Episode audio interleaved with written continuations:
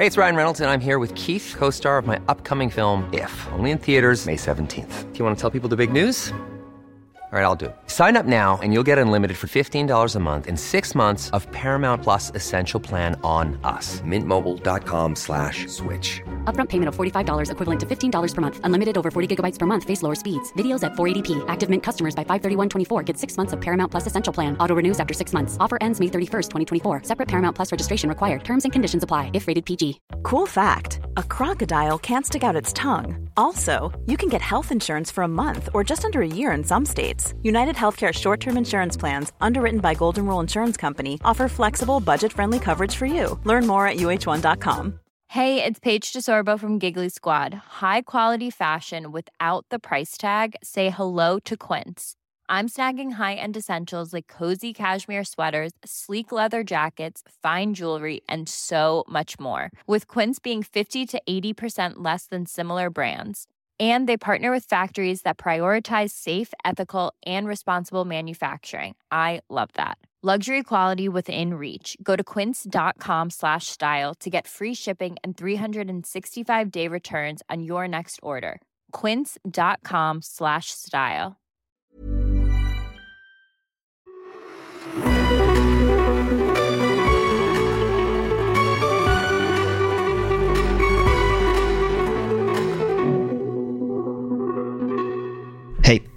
Hej och välkomna till den här veckans extra fenomen.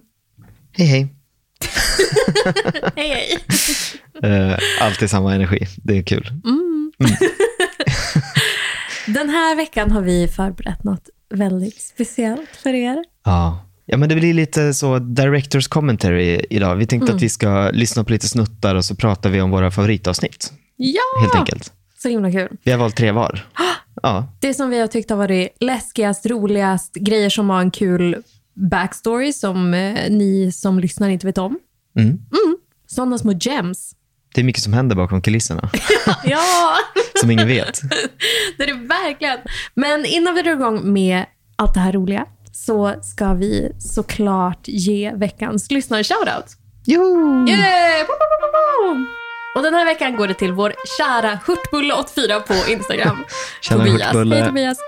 Han la upp i sin story att han grät av sista historien. Mm. Så jävla fint. Jag förstår honom för att den var sad. Ja, det var en tår som föll när jag producerade det. Ja, kan jag säga. men det var liksom... Det var så himla fint. Ja, det Ja. var ju sorg, sorgsen stämning i rummet när vi läste in, men det blir ju, Mm. det blir ju något extra med din fina ljudläggning. Mm. Så om ni inte har lyssnat, gå in och lyssna. Gör det. Ja, och tack Tobias, bästa. Tusen tack. Woho! Jaha, Jag tänker att du ska få börja den här veckan. ska jag börja? Ah. Okej.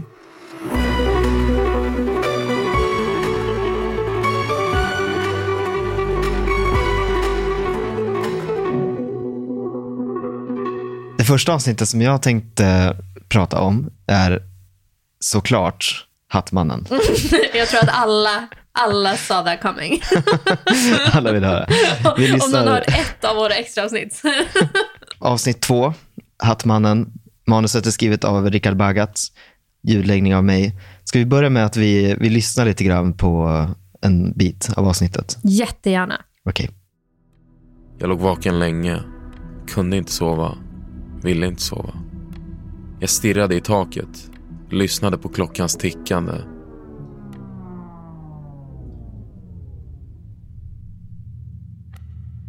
Tills jag plötsligt slog upp ögonen.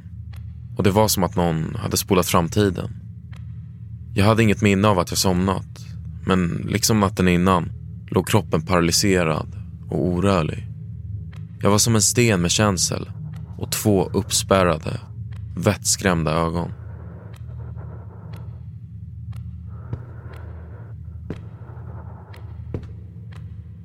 Det dröjde inte länge innan jag åter hörde de knarrande stegen utanför dörren. Skräcken spred sig som en frätande syra i mina ådror och när jag än en gång anade den jättelika siluetten i dörren stannade mitt hjärta. Tiden tycktes stå still. Klockan på väggen slutade slå. Det enda som existerade var han. I en ljudlös vindpust svepte han in i rummet. Och även om det var omöjligt att se honom klart fick jag ändå en tydligare bild. Hatten han bar var stor och svart och dolde ansiktet. Faktum är att hela han var svartklädd. Nu stod han bara där. Som en lång, mörk skugga. Plötsligt, i en rörelse snabbare än någonting en människa är kapabel till, kastade sig figuren fram genom rummet och landade på mitt bröst. Ett dödsskrik ekade genom rummet. Och jag kände tyngden av alla världens samlade berg över min kropp. Mannen satt på mig. Satt på mitt bröst. Jag stirrade på honom, men kunde inte urskilja hans ansikte i det kompakta mörkret. Och så, i en rörelse så snabb att jag inte hann följa honom med blicken, böjde han sig över mig och skrek. Skrek rakt i mitt öra. Det var det värsta skrik jag någonsin hört. Och i mitt paralyserade tillstånd tänkte jag att jag skickats ner till helvetet. Att den värsta tortyren hade drabbat mig och att den aldrig skulle ta slut.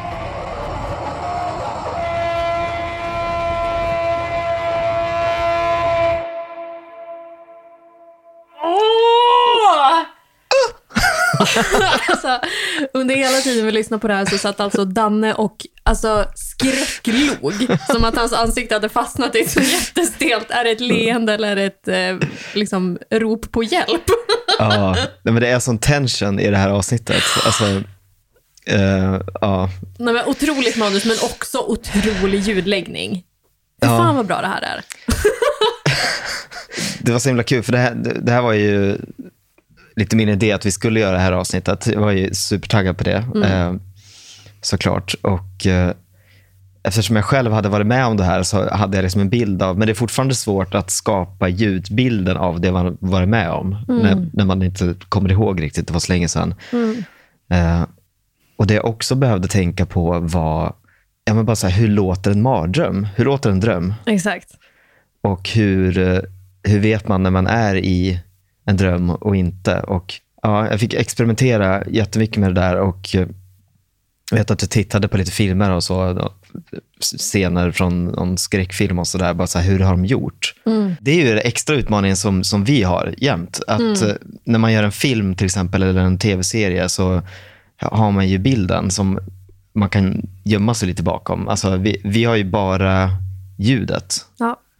Så att det är ganska mycket saker som, som man inte kan göra på samma sätt. Man kan inte göra liksom jump scares på samma sätt som, som man gör i skräckfilmer.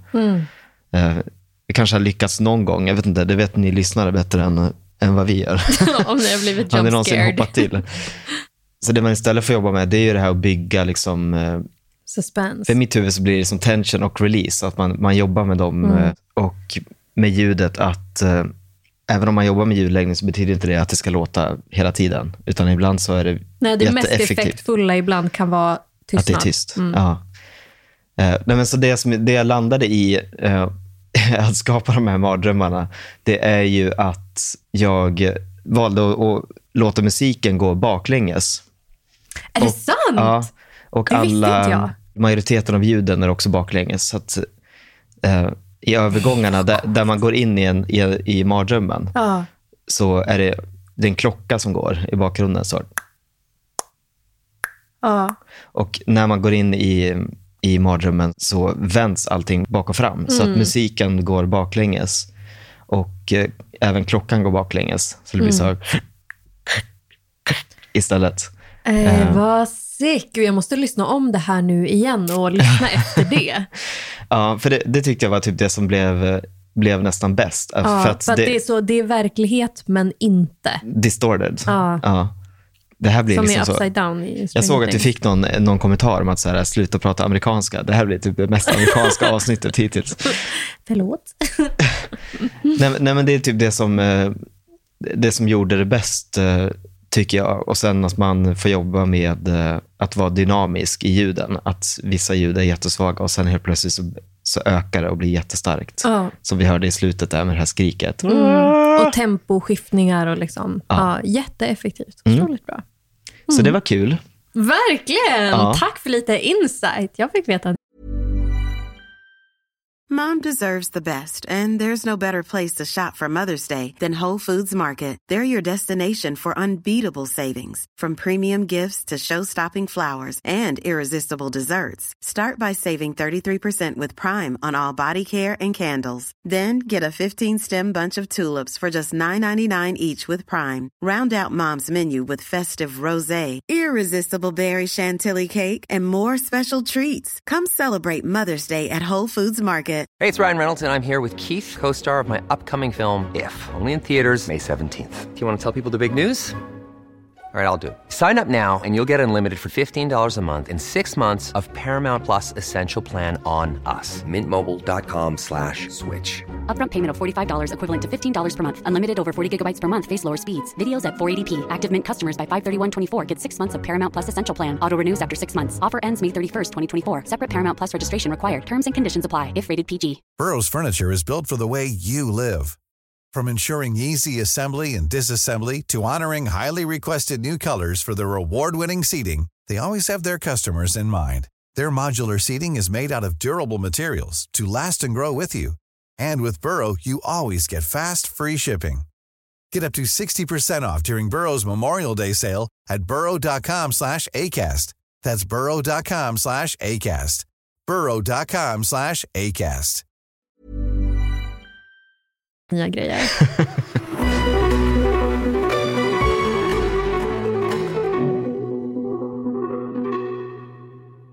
Jag vill börja med att snacka om ryska sömnexperimentet. Åh! För att vi har ju varit inne på lite av en så creepypasta roll senaste. Och det här var den första creepypastan som jag läste som jag verkligen tyckte var vidrig. Mm. Samma här faktiskt. Mm. Nej, kul. Den publicerades ju på Reddit runt 2009 och har kallats för nätets obehagligaste berättelse och jag kan bara hålla med. I korta drag så utspelar sig den här historien på sent 40-tal i Sovjet. Det är en ny gas som ska testas på några fångar. En gas som ska hålla en vaken i 30 dagar är tanken. Och de här forskarna ska hålla koll på de här testpersonerna, utvärdera och testpersonerna, eller fångarna då, är isolerade. Och det är innan man hade övervakningskameror, så att man kunde inte... För att vara forskare så hade man ganska dålig insyn i sitt eget experiment.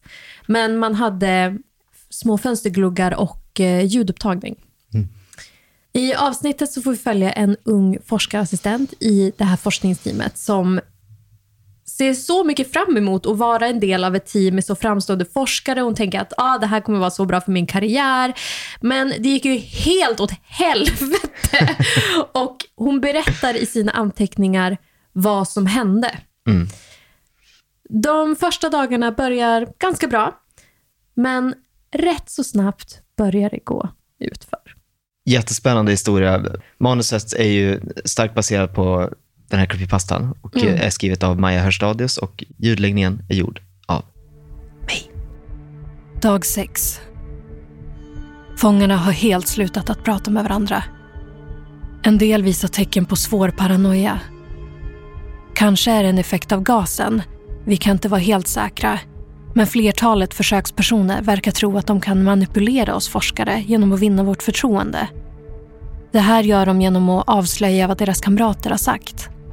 Trots att de inte får några som helst reaktioner från oss i forskarteamet så fortsätter de att viska hemligheter in i mikrofonerna. Särskilt en av testpersonerna har fångat vår uppmärksamhet. Hans viskande är en slags blandning mellan ohörbara mummel och gälla väsanden. Det som i början var ett desperat vädjande om frihet har blivit till en lågmäld klagosång.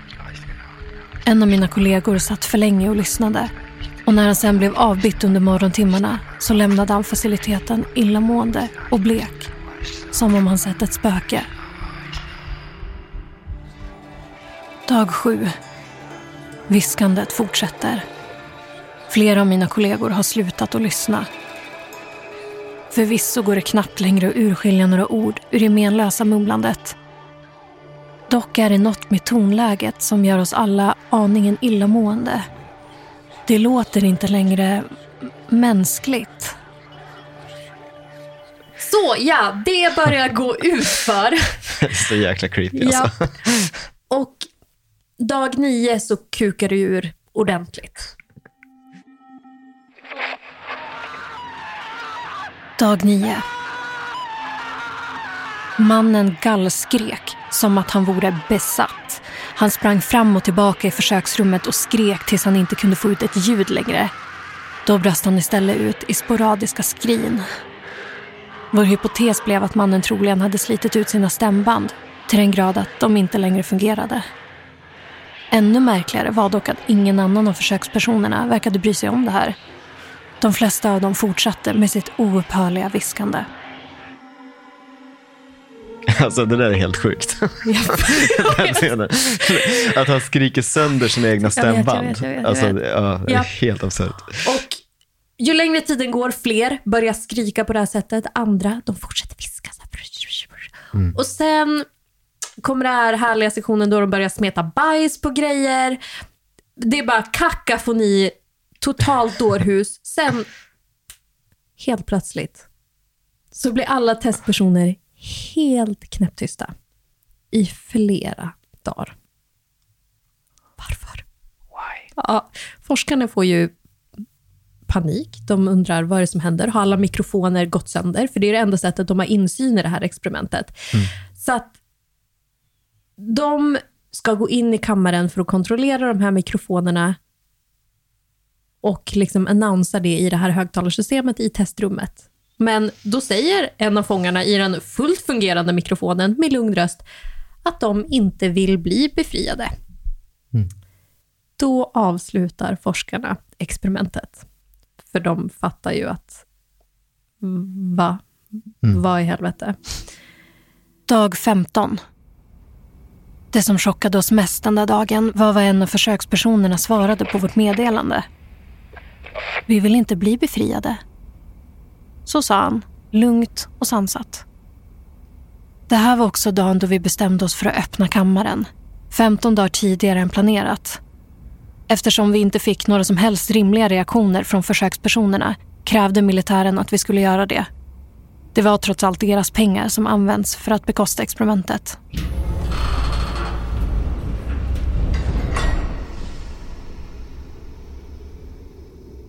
Jag minns ännu vad jag tänkte precis innan vi öppnade dörrarna till helvetet där inne. Att de fem männen troligen var döda eller svårt handikappade.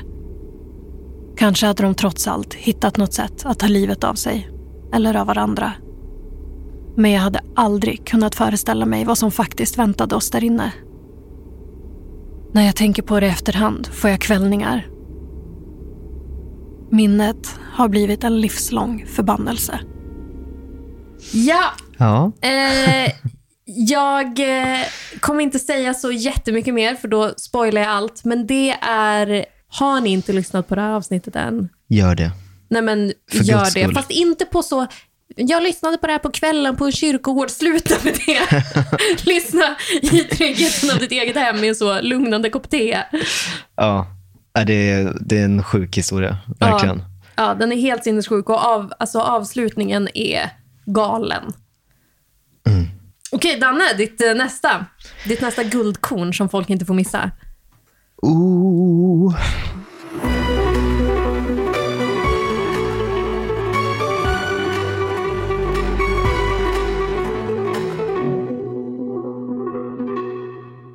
Okej, mitt andra avsnitt är det som faktiskt numera är avsnitt nummer ett. Mylingen. Oh, ja! Otrolig historia från den svenska landsbygden. Ja. Eh, Men jag blir så ledsen av den. ja, det är sorgligt. Är Eh. Mylingen har ju sin grund i 1800-talets eh, Sverige, framför allt.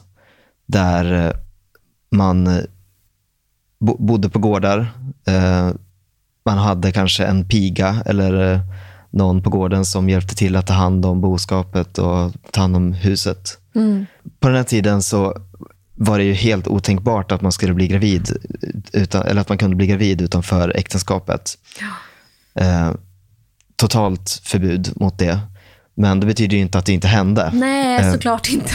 Tvärtom så hände det faktiskt ganska ofta. Och eh, Det var inte heller ovanligt att eh, pigor eller folk som jobbar på olika gårdar, att de blir gravida med kanske mannen i huset, som i sin tur är gift med en, an, med en annan kvinna. Och att det liksom, ja, det var bara så många lager i det som inte funkade och inte passade. Så man kan ju få, förstå desperationen hos de här kvinnorna. Och om man, alltså, utan att det är en för farfetched gissning, så om en piga blev gravid med en husbonde, det var nog inte alltid frivilligt. Nej, precis. Nej. Inte alltid, säkert. Eh, och ibland så kände man då kanske att man inte hade något annat val än att eh, göra sig av med barnet eh, innan någon såg det. Eh, hemskt nog. Så det var inte ovanligt att, eh, att spädbarn eh, lades ut till, eh, alltså gömdes i skogen någonstans eller gömdes under golvplankor hemma i, i bostadshuset. Och, så, och Det är det som mylingen grundas i. Mylingen är, det är ett spädbarn som har gömts undan och eh, saknar sin mamma. Ja. Det är väl egentligen det. det är. Väldigt, väldigt sorgligt Ja. och väldigt, väldigt mörkt. Och eh, det sades då att man kunde höra barn gråta eller skrik på nätterna, steg eller Mm. rop efter mamma och sånt där. Det är ett väldigt fint avsnitt. Det kändes... Det var fint att få göra det, men jävlar vad det är en ledsam Mm. myt som vi har här i Sverige. Det här otroliga manuset är skrivet av Johanna Hellner Mm. eh, och produktionen är gjord av mig. Nu lyssnar vi på en liten snutt.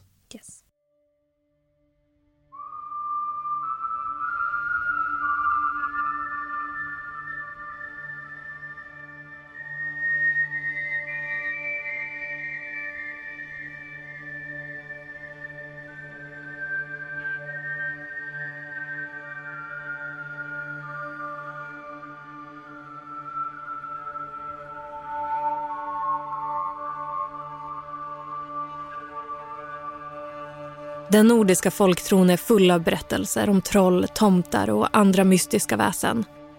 Myter och sägner som berättats i generationer vid brasans sken i skogarna och på gårdarna. Att berätta historier har i alla tider varit ett sätt för oss människor att underhålla oss själva och varandra. Men berättelserna har också haft ett annat syfte. Att lära oss något om hur vi borde leva, förhålla oss till varandra och till naturen omkring oss och inte minst till livet och döden.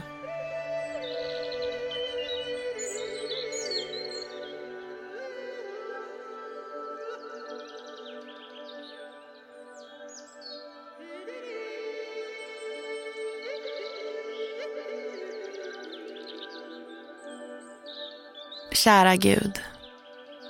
Jag vill tacka dig ikväll för allt du har givit oss. Vädret har varit gynnsamt den här sommaren och Erik säger att skörden kommer att bli god. Mor och far har hälsan och inuti min kropp växer och frodas ett nytt litet liv. Jag förundras över att man kan få känna sig så här lycklig. För kära Gud, det fanns en tid för länge sedan då jag trodde att lyckan inte var för mig. Att min framtid, ja, hela mitt liv, var över. Men du fann det i ditt hjärta att förlåta mig för det jag gjort. Och du förde min älskade Erik till mig. Och nu ska vi bli en riktig familj. Tack för allt som jag fått. Nej, men det är så fint, men det är så sorgligt. Eh, det jag framförallt vill lyfta med det här avsnittet är en, först och främst en jäkla massa beröm till Johanna Hellner som har skrivit det här manuset och hennes otroliga genidrag att berätta historien genom böner. ja. Eh, Alex, vår redaktör, kom till mig och sa Johanna har en idé om att hon ska berätta, hon har skrivit, hela historien berättas genom böner. Och jag sa på en gång att här, det är det mest magiska jag hört i mitt liv. Alltså om vi kan få till det så att varje scen börjar med kära Gud och att det blir liksom att det är så man får ta del av historien. Det tyckte jag var fantastiskt och Ja. också så tidsenligt. För det kändes som att det kanske ofta var så, att man bad till Gud för, om hjälp. Och, Mm. Och de samtalen man hade med Gud var också djupt personliga. Mm. Så det blir verkligen, det blir in på livet på folk på ett Verkligen. väldigt spännande sätt. Eh, annan kul kuriosa är ju att eh, det är jag som kular där i bakgrunden. Gud, det visste inte jag heller. Wow. Vi får också höra A lite... man of many talents. Ja. Han finns på Tinder. In och swipa. Vi får också höra Sebastian som har gästat ett avsnitt här, vissla. Eh, Vem kan Mm. Sebbe var han som segla? var så rädd för allt jag sa. Han Ja. hatar spökhistorier. Eh, Han eh, visslar en liten snutt av Vem kan segla förutan vind? Fantastiskt eh, musikstycke, tycker jag. Mm. Eh, Ja, bara ett jättebra avsnitt. Lyssna på avsnitt ett om Mylingen. Ja, faktiskt. Om någon mot förmodan har missat det, Mm. så gör det. Vi ska nu bege oss tillbaka i tiden till 1959 i Sovjetunionen. Ja. Love this episode. Mm.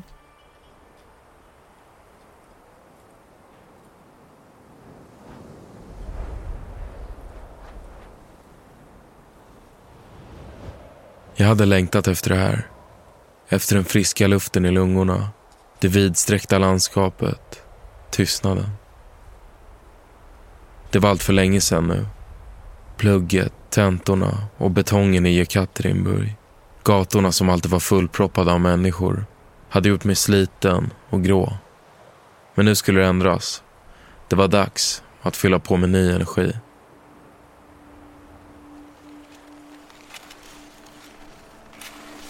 Med kisande ögon blickade jag ut över den vidsträckta terrängen. Så långt jag kunde se låg ett tjockt lager vit pudersnö. Träden stod glesa och låga, som om det hårda klimatet hade gjort dem blyga för dagens ljus. Och långt där borta, bortom horisonten, reste sig berget mot himlen och skrapade molnen. Det var en slående syn. Det var nog inte bara jag som hade saknat bergen. Vi var alla som små barn. Skojade och lekte i snön. Klättrade i träd, kastade snöboll. Mina andetag bildade stora rökmoln framför mig medan jag pulsade genom den lösa snön. Trots att mina skidor var både långa och breda sjönk jag ner säkert en decimeter med varje steg.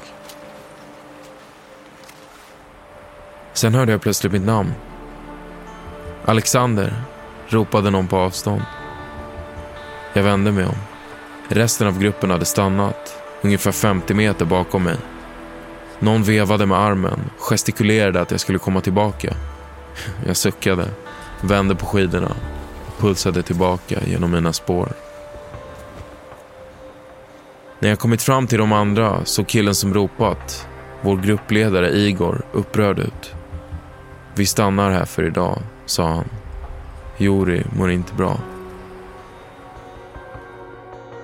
En grupp på nio personer är på väg ut på skidor till Uralbergen.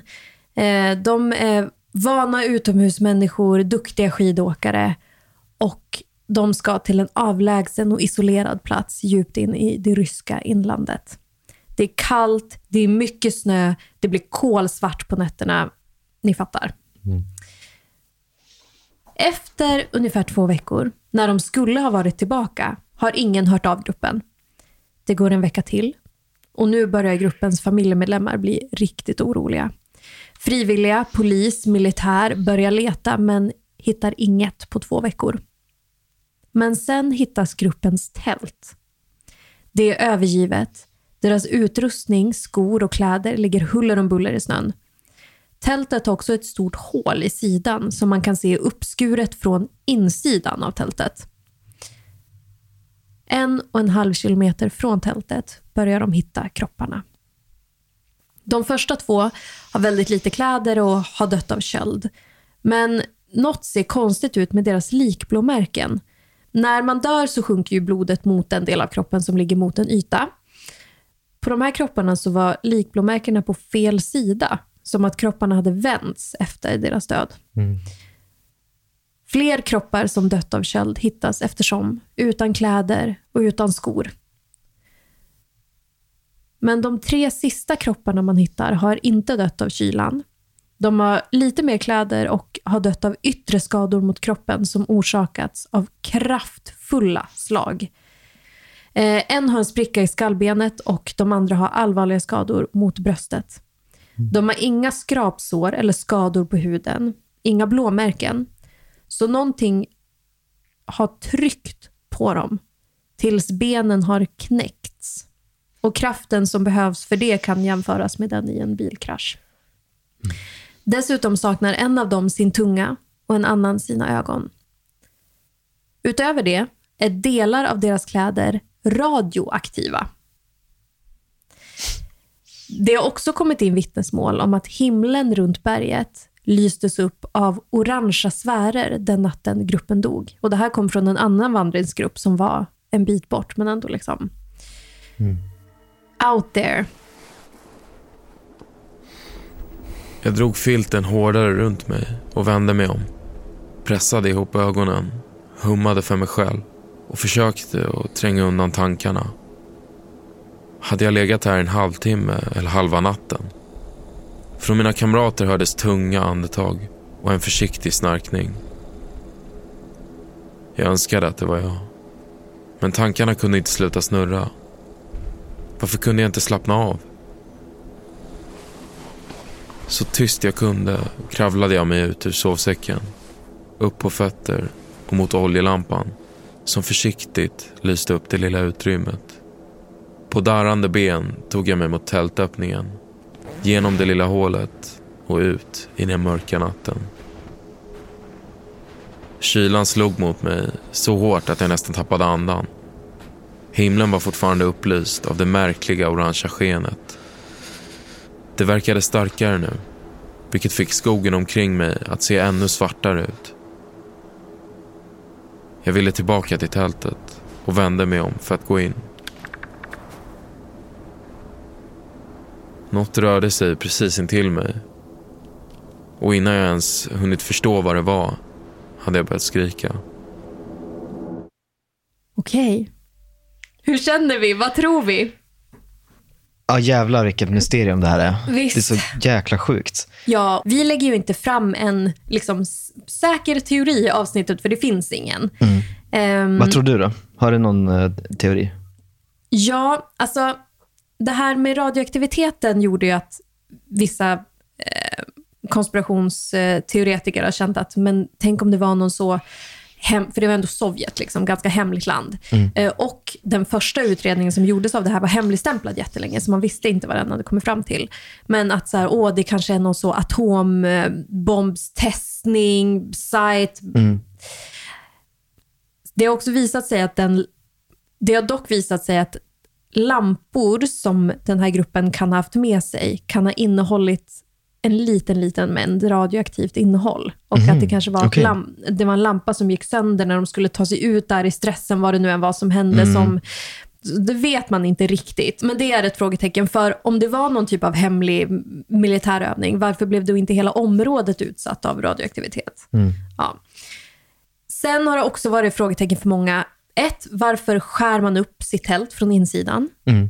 De har haft bråttom. Bråttom man ju- som fan. man har ju sprungit ut utan skor också. Så Japp. att, Utan skor, utan kläder, alltså Ja. i ryska urvintern. Det Mm. är jätte, jätte, jättekallt och superblåsigt, Mm. för de är på ett berg. det gör man inte om, om det inte är eh, absoluta Kris. nödfall, kris. Ja. Och det är också det kolmörkt. Det finns inga lampor någonstans. Eh, så att sikten var ju skitdålig. Så att, att man lämnar sitt tält under de förutsättningarna Mm. är liksom... Och också, det här var ju inga... Det var inga noobs. Nej, det de var vana. Var Vana ute. Mm. outdoors liksom, överlevare. Det man också har spekulerat kring är ju att eh, eh, tydligen så ska de ju ha varit väldigt rädda för eh, laviner. Så att eh, det, det är typ en teori också att de att det, det är det som förklarar den, det plötsliga att man sprungit ut och skurit Precis. upp inifrån. Att de har varit väldigt, väldigt fått för sig att det kommer en lavin eller någonting och då skär man upp tältet och, och löper. Ja, nej men för att för länge så eh, tänkte man ju att den här lavinteorin inte var trolig eftersom att en lavin hade ju tagit med sig tältet och allting. 1959 när man gjorde den första undersökningen så kom man fram till att gruppen dog av a compelling natural force. Ja, inte liksom mer tydligt än det. Och eh, filerna blev hemligstämplade. Det är också ett konstigt begrepp. Vadå, en, en stor mängd naturlig kraft? ja. Jättemärkligt. Verkligen. 2019 i februari så återöppnade ryska myndigheter den här förundersökningen och kom fram till att det finns egentligen bara tre möjliga förklaringar enligt dem. En lavin, en annan typ av lavin som kallas för slab avalanche eller en orkan. Så det, en lavin är den mest troliga förklaringen. är ganska många överens om i alla fall. Men det kan inte riktigt förklara allting. Dels 2018, den 12 april, så blir en av personerna som var med i den här gruppen, hans kvarlevor blir eh, uppgrävda för att eh, kolla lite grejer och eh, Kolla lite grejer så. Ja, för att kolla lite grejer och resultaten blev lite motsägelsefulla.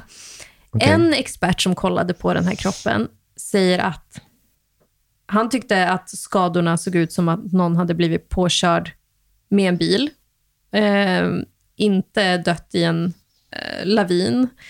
Och att DNA-analysen inte visade på att den här kroppen var släkt med de som skulle vara släktingar i direkt nedstigande led. Vilket är lite Va? konstigt. Mm, Vadå, är det någon annan än... vet inte. Men utöver det så visade det sig att den här personen, han heter alltså Solotaryov. Att hans namn inte var listat bland de som var begravda på den här kyrkogården som ryska staten sa att de hade grävt upp honom ifrån. Men hur som helst så eh, eh, ansiktsrekonstruktionen som gjorde matchar en bild av någon som hette Solitarjov. Men det finns också starka misstankar om att en annan person gömde sig under hans namn under andra världskriget. Så att väldigt rörigt, men också lite Extremt. suspekt. Ja. Och när de här personerna i eh, skidgruppen begravdes så var det en pojke som var 12 år vid det tillfället som senare har kommit fram och sagt att, att alla deras hud hade en deep brown tan, vilket inte heller är det vanligaste för Ryssland under vintern. Alltså var de typ brännskadade eller? V- Vet inte. Det låter verkligen som strålning av något slag. Ja, eventuellt. Ja. Och sen är det ju det här med de här orangea sfärerna. För en annan grupp med hajkare, typ 50 kilometer ifrån där det här hände, rapporterar att de har sett märkliga orangea stora sfärer i, på himlen. En sfär är alltså ett klot. Stora Ja. orangea kloter. Exakt. Och liknande sådana här sfärer eller klot sågs i det här närområdet under en period från februari till mars 1959 av flera oberoende vittnen som inkluderar eh, meteorologiexperter och militären. Men de här vittnesmålen noterades inte i undersökningen som gjordes 1959, utan de här vittnena berättade om det här år senare. Ja. Så, för att sammanfatta. Jag är ingen snöexpert. Säger de att lavin är mest troligt, då tror jag på det. Men det finns också lite luckor i vad den här lavinteorin förklarar. Vilket jag tycker är intressant. Det behöver inte betyda någonting, men kanske. Ja. Alltså det är den mest naturliga förklaringen. Det som jag tycker är så kul med det här fallet är ju att det känns lite som att oavsett vilken teori man väljer att gå på så är det någonting som säger emot den. Det, det, är liksom, det finns motargument för allting. För att, så ja, det är en lavin, absolut, men eh, var, varför ligger de som de ligger och va- varför är de, deras kläder radioaktiva? Varför har inte alla samma skador? Och liksom, det, ja, det, är liksom, det är verkligen så att ingenting hänger ihop någonstans. Men det är också så typiskt, allting som har hänt under Sovjettiden. Det Ja, det, var här- så, det var så stängt. Ja, men det är Alltså, alltid så konstigt, för det kan lika gärna vara... Det, det är också en teori som jag skulle kunna tänka mig att eh, den här gruppen har av misstag råkat se någonting som de inte skulle se eller att de har lyckats hamna i något område där man har gjort någon form av tester eller någonting och sen så har det här mörkats och eh, liksom, för det är helt sjukt om Ja, det är rätt vanlig teori. de, de, de gräver upp och så, och så testar de den här kroppen och det ser inte ut att vara han ens. Alltså, Ja, och då om det inte ens har hänt något konstigt, varför tar man fram fel kropp? Om det nu var det. Alltså, Ja. jättedum idé. nej, verkligen. Det känns uh, jättekonstigt. Ja. Och det finns ju en miljard teorier just för att det här, sen det hände 1959, har varit så sjukt uppmärksammat. Och jag vet inte om det här stämmer, men jag läste att eh, när man gjorde Frozen, de som har alltså, kodat i Frozen, eh, grafiska designerserna eller vad man Alltså har för Disney- yrkestitel. Disney-filmen. Exakt, Mm. Disney-filmen Frozen. Hur lavinerna åker i den filmen. Tydligen så var det någon forskare som har grottat ner sig i Dyatlov-fallet som såg det här och bara wow, det här ser jätteverkligt ut. Så de fick tillgång till den här koden så de kunde använda den själva när de skulle kolla olika teorier knutna till det här Dyatlov-fallet och det visade sig då att en, en viss typ av lavin, en slab avalanche, var ganska trolig. Mm, vet inte om det stämmer, jag hittade det på ett ställe, men jag hoppas att det gör det. Hörni, lyssna på Dyatlov-passet. Ja. Eh, manuset är skrivet av Emily Nyblom och eh, ja, det, det är ett jättespännande fall. Alltså man tröttnar aldrig på det där. nej, gud nej, vad man kan grotta ner sig. Ja, man kan läsa i timtal om, Ja. om det där mysteriet. Ja, och vill ni höra fler teorier från andra så jag gästade en podd som heter Nej men ärligt och då snackade vi om det här och både Nicole och Tully hade intressanta perspektiv. Bra. Okej, Danne, tredje sista. Brrr, trumvirvel.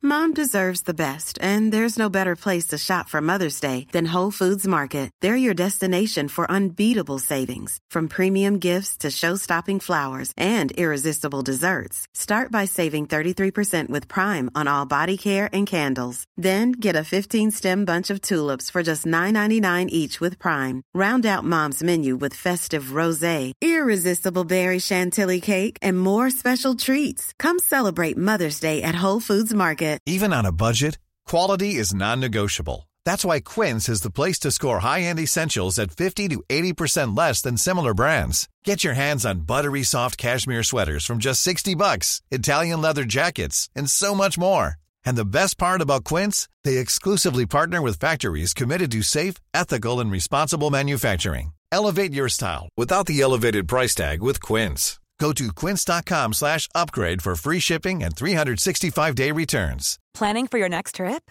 Elevate your travel style with Quince. Quince has all the jet setting essentials you'll want for your next getaway, like European linen, premium luggage options, buttery soft Italian leather bags, and so much more. And is all priced at 50 to 80% less than similar brands.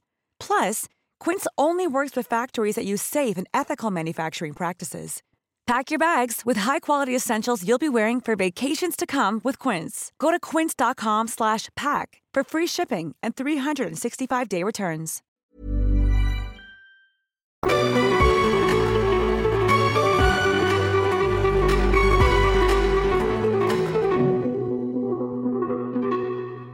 Kära Robert. Åh, nej, jag hoppades att jag skulle slippa han. Jag tänkte prata lite om dig nu. Jag hoppas att det är okej med dig. Ja, vi ber om din tillåtelse och förlåtelse i förväg. Vi ber om din tillåtelse och eh, ber om ursäkt om vi på något sätt kränker dig.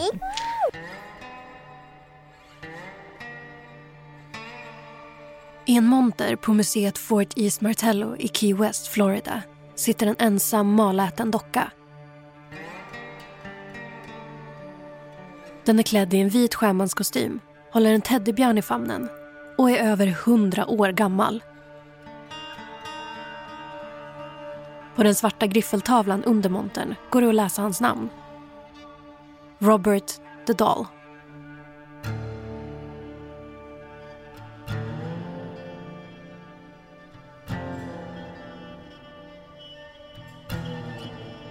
Robert är en ovanligt stor docka. Han är 102 centimeter på höjden. Nästan lika lång som en genomsnittlig fyraåring. Han är stoppad med träspån och behöver därför förvara sin glasmonter som både reglerar luftfuktighet och skyddar mot UV-strålar.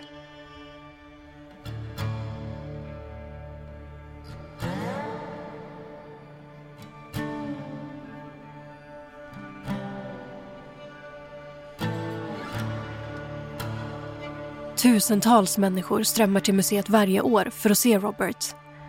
Kanske finns det några få docksamlare eller historieintresserade bland folkmassorna.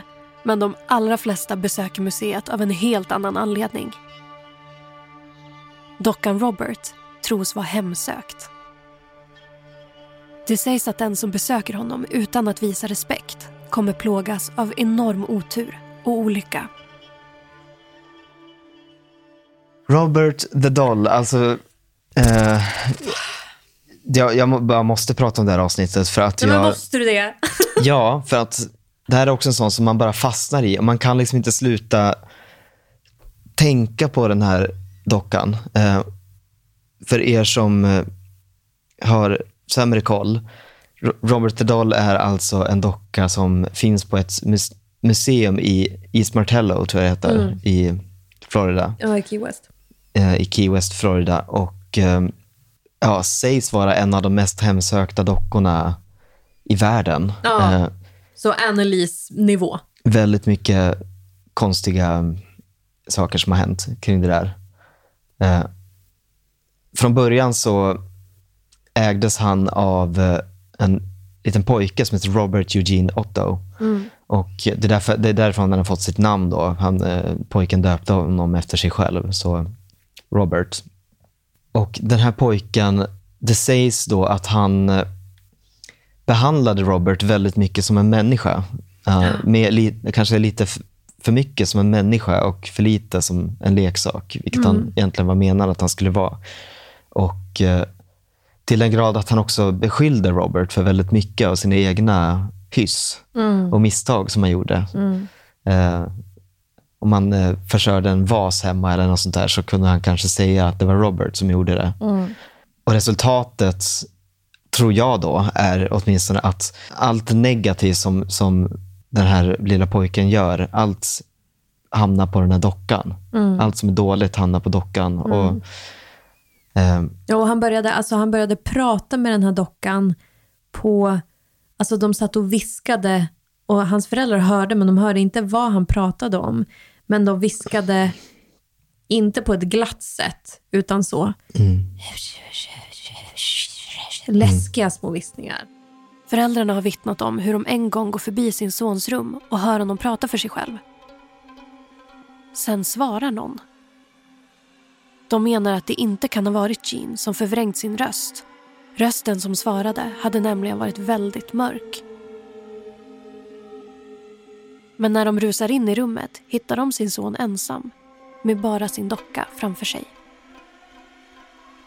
En annan gång sägs föräldrarna vakna sent på natten av höga brak och dunsar. Oljudet följs av sonens rop på hjälp. Möblerna i pojkens rum har kastats omkull och alla småsaker ligger utspridda över golvet.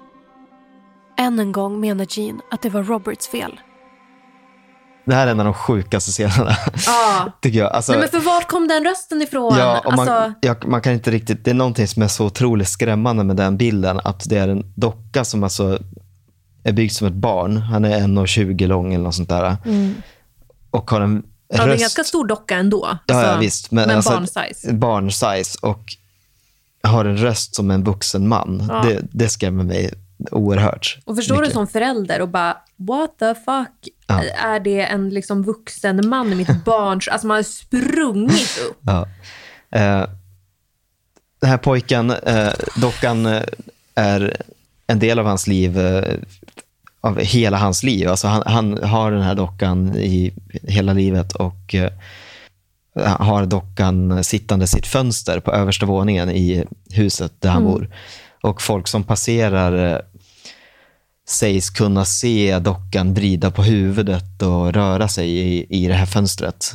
Eh, när eh, Robert Eugene Otto slutligen går bort så hamnar den här dockan eh, hos eh, de nya som flyttar in i huset.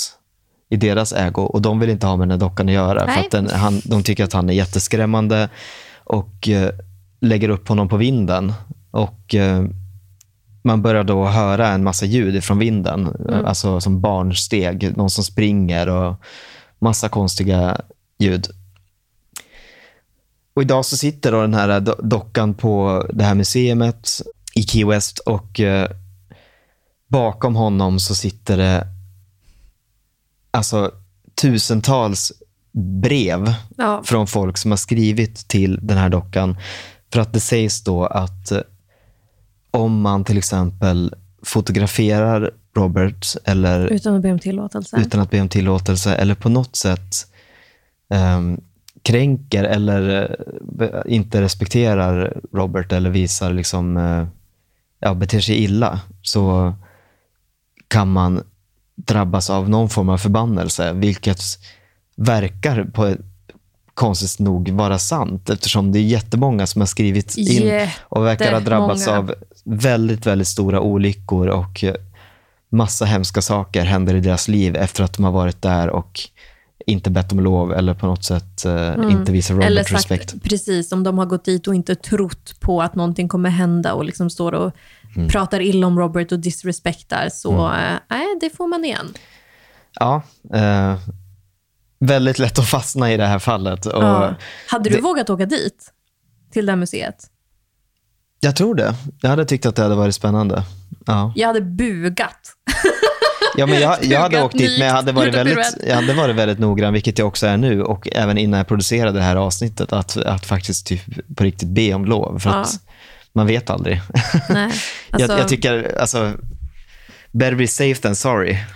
Googla bilder på den här dockan om ni inte har sett. För att alltså, när vi gjorde det här avsnittet, vi satt här på kontoret, hela redaktionen, och så, okej Robert, nu har vi googlat, så här, alla sitter och blundar, nu har vi googlat fram bilder på dig, nu kommer vi titta.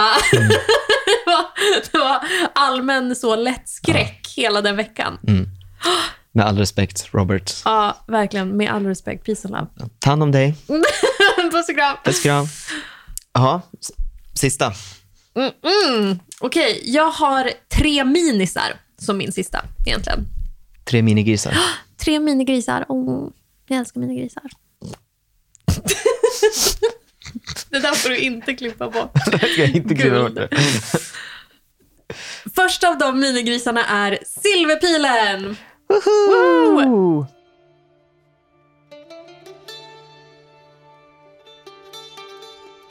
Stockholms tunnelbanenät är 110 kilometer långt och sträcker sig från stadens utkanter till dess kärna runt T-centralen. Det första tunnelbanespåret öppnade 1950. Över tid har det vuxit fram uppemot 100 stationer som idag finns spridda ovan och under jord i stadens alla hörn. Och idag finns ungefär 880 vagnar i bruk. Och fastän tunnelbanan många gånger förknippas med jobb och vardag finns en annan sida av det underjordiska systemet. I de mörka tunnlarna under stadens yta finns en naturlig plats för mystik.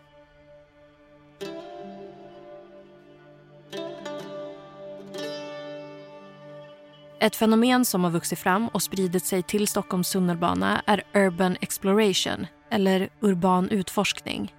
Det handlar om människor som ger sig ner i världen under ytan för att se vad de hittar. Som kryper fram genom trånga gångar och fuktiga rum. Upptäcker bortglömda valv och schakt under marken. Och berättelserna är många om de som har gett sig ner och kommit tillbaka med fantastiska historier om ett undangömt universum. Men också om de som har gett sig ner och ännu inte kommit tillbaka. De som försvunnit i underjorden. I Stockholm berättas dessutom om tunnelfolket. Människor som bor i stadens kalla tunnlar och vrår bland råttor och smuts. Enligt vissa består tunnelfolket av våldsamma mördare drabbade av de mörka hålornas galenskap. Enligt andra är det hemlösa som blivit utstötta av samhället och som skapat ett eget samhälle djupt ner i stadens underjord. Vad som är säkert är att tunnelbanan döljer en mystisk värld som för de allra flesta av oss är främmande. Och av alla vagnar som gnisslat längs spåren genom decennierna finns det särskilt ett som sticker ut. Ett tåg som kommit att eka genom historien. Den mytomspunna Silverpilen.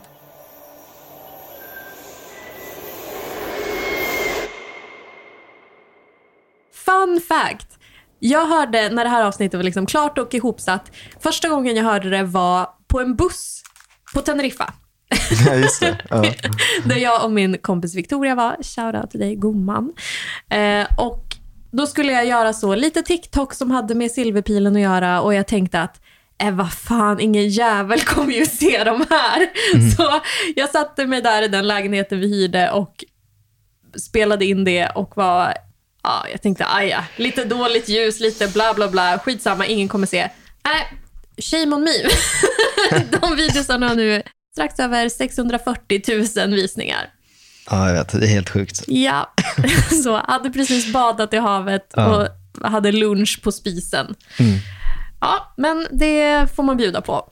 Hade du hört talas om Silverpilen innan? Nej, jag hade inte det. Inte jag heller. Men det är för att vi inte är från Stockholm. Ja, jag tror det. För när jag har frågat alla mina kompisar som har bott här sedan de var barn, så Mm. vet ju alla vad silverpilen Ja. är. Men jag hade ingen Ja, aning. nej, jag visste inte heller eh, vad det var. Men det, det är tydligt att det är en vandringssägen som går här i, i Sveriges huvudstad. Krokarna. Ja. ja, eh, sen har vi ju Lady Di. På det sena 60-talet hittar några arbetare en gammal grav när de gräver ett bombskydd för stadens invånare vid Mawangdikullen i östra Kina. Där hittar man en mycket gammal mumie. En person som dött 160 år innan Jesu födelse. Kroppen visar sig sen tillhöra grevinnan Sinjui, Lady Di. Fyndet chockar arkeologer, forensiker och forskare. Kroppen ser helt ny ut. Det sitter hår kvar på huvudet och huden är elastisk och mjuk. Lady Di är i så gott skick att hon kunde ha begravts igår. Hur är det möjligt? Arkeologer som undersöker jorden i området kring Mawangdikullen menar att den våta, kalla marken egentligen gör platsen till ett mycket dåligt ställe att bevara döda kroppar på. Så hur har det gått till? Jag gjorde en TikTok där jag sa någonting i stil, stil med typ att så, här, ah, så sjukt att det ser ut som att hon inte har varit död så länge. Och jag blev ju called out som fan på det. Jag Bara, hon är jätteful! Ja. Ja. Bara, ja, det är sant, hon ser hemsk ut. Men det ska också sägas att hon har varit död sedan 163 före Kristus. Ja, och hon är helt intakt. Alltså, all hud är kvar. Och det är liksom, alltså, de kunde röra på hennes armar. Alltså, Ja. alltså lederna och liksom all, musklerna är liksom intakta. Helt sinnes, sinnes, sinnessjukt. Vill ni ha mardrömmar? Googla Lady Di och Di stavas D-A-I. Vill ni inte ha mardrömmar, kolla aldrig på bilder på Lady Di. Googla söt katt. Och sen har vi sista tipset för den här veckan från mig och det är Dockornas ö. Om Julian hade haft svårt för att sova tidigare så är det ingenting jämfört med nu. I början var det knappt hörbart. Det skulle kunna ha varit vinden som skapade förvrängda vinande ljud när den kilade mellan trädgrenarna. Men snart börjar Julian urskilja ord trots att han är alldeles ensam på ön. Det är flickans röst som gång på gång upprepar samma mening. Jag vill ha min docka. I desperata försök att trösta flickan hänger han därför upp dockan han hittade i vattenbrynet med det svarta håret, de svarta ögonen och den vita smutsiga klänningen. Men det hjälper inte, så Julian gör det enda andra han kan komma på. Bara ett par år efter att han hittat flickan och hennes replika i miniatyr är ön han äger och jobbar på knappt igenkännbar. Stället som tidigare täckts av näckrosor kryllar nu av små smutsiga kroppar i olika färger och storlekar. Hundratals, om inte tusentals dockor sitter på varenda sten och har spikats upp på varje vägg. Det hänger dockor från träden med snaror som knutits runt deras halsar och från klädlinor som sträcker sig kors och tvärs.